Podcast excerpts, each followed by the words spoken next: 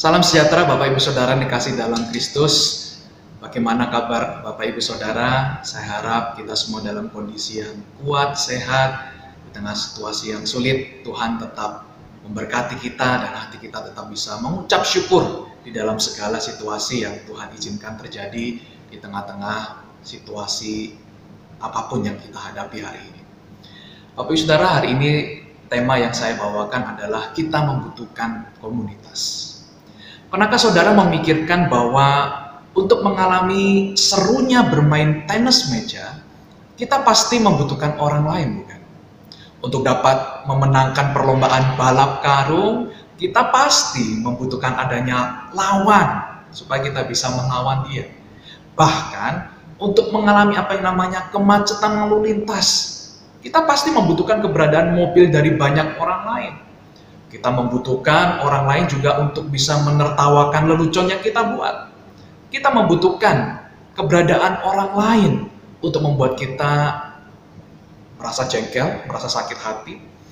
Dan kita juga membutuhkan keberadaan orang lain agar kita dapat mempraktekkan apa yang namanya pengampunan. Boleh dikata Bapak Ibu Saudara banyak hal di dalam hidup ini yang tidak akan pernah bisa kita alami tanpa bersinggungan dengan orang lain, tanpa keberadaan orang lain. Kita perlu mereka. Saudara, kita manusia saling membutuhkan satu dengan yang lain. Apalagi di tengah situasi pandemi seperti sekarang ini, kita perlu adanya orang lain untuk kita bisa andalkan. Kita bisa saling bergantung dengan orang percaya lainnya. Tuhan memberikan kita satu sama lain untuk apa? Untuk kita bisa berjalan berdampingan memberikan semangat, memacu satu sama lain agar kita bisa tetap berderap maju dalam perjalanan iman kita ini. Ibrani 10 ayat 24 berkata, dan marilah kita saling memperhatikan supaya kita saling mendorong dalam kasih dan dalam pekerjaan baik. Perhatikan ada kata saling di sana. Dibutuhkan lebih dari satu pribadi untuk dapat saling memperhatikan. Dibutuhkan orang lain agar kita dapat saling menunjukkan dorongan kasih dan pekerjaan baik. Bapak Ibu Saudara, Dietrich Bonhoeffer pernah berkata, seorang Kristen memerlukan orang Kristen lainnya agar menyampaikan firman Allah kepadanya.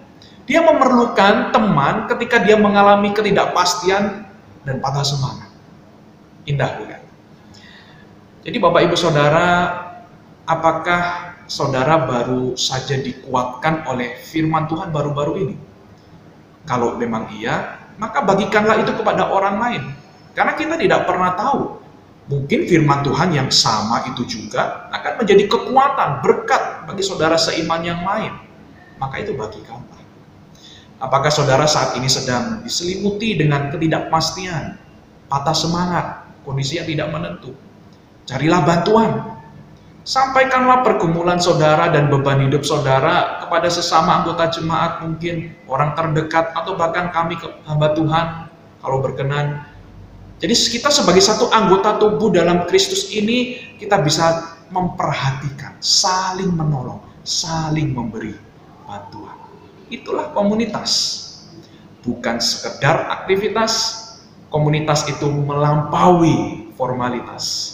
Komunitas menunjukkan identitas, menyediakan akuntabilitas, memupuk solidaritas, menyuburkan spontanitas, memelihara autentisitas, menjaga kualitas, meningkatkan kontinuitas, dan memacu integritas.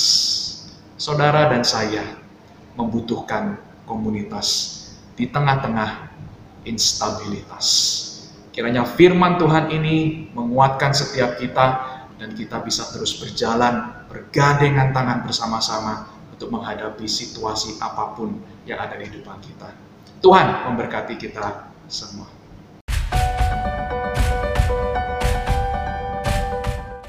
Konten ini bisa Anda akses di YouTube, Facebook, Instagram, Spotify, dan Radio Sumber Kasih 90,2 FM.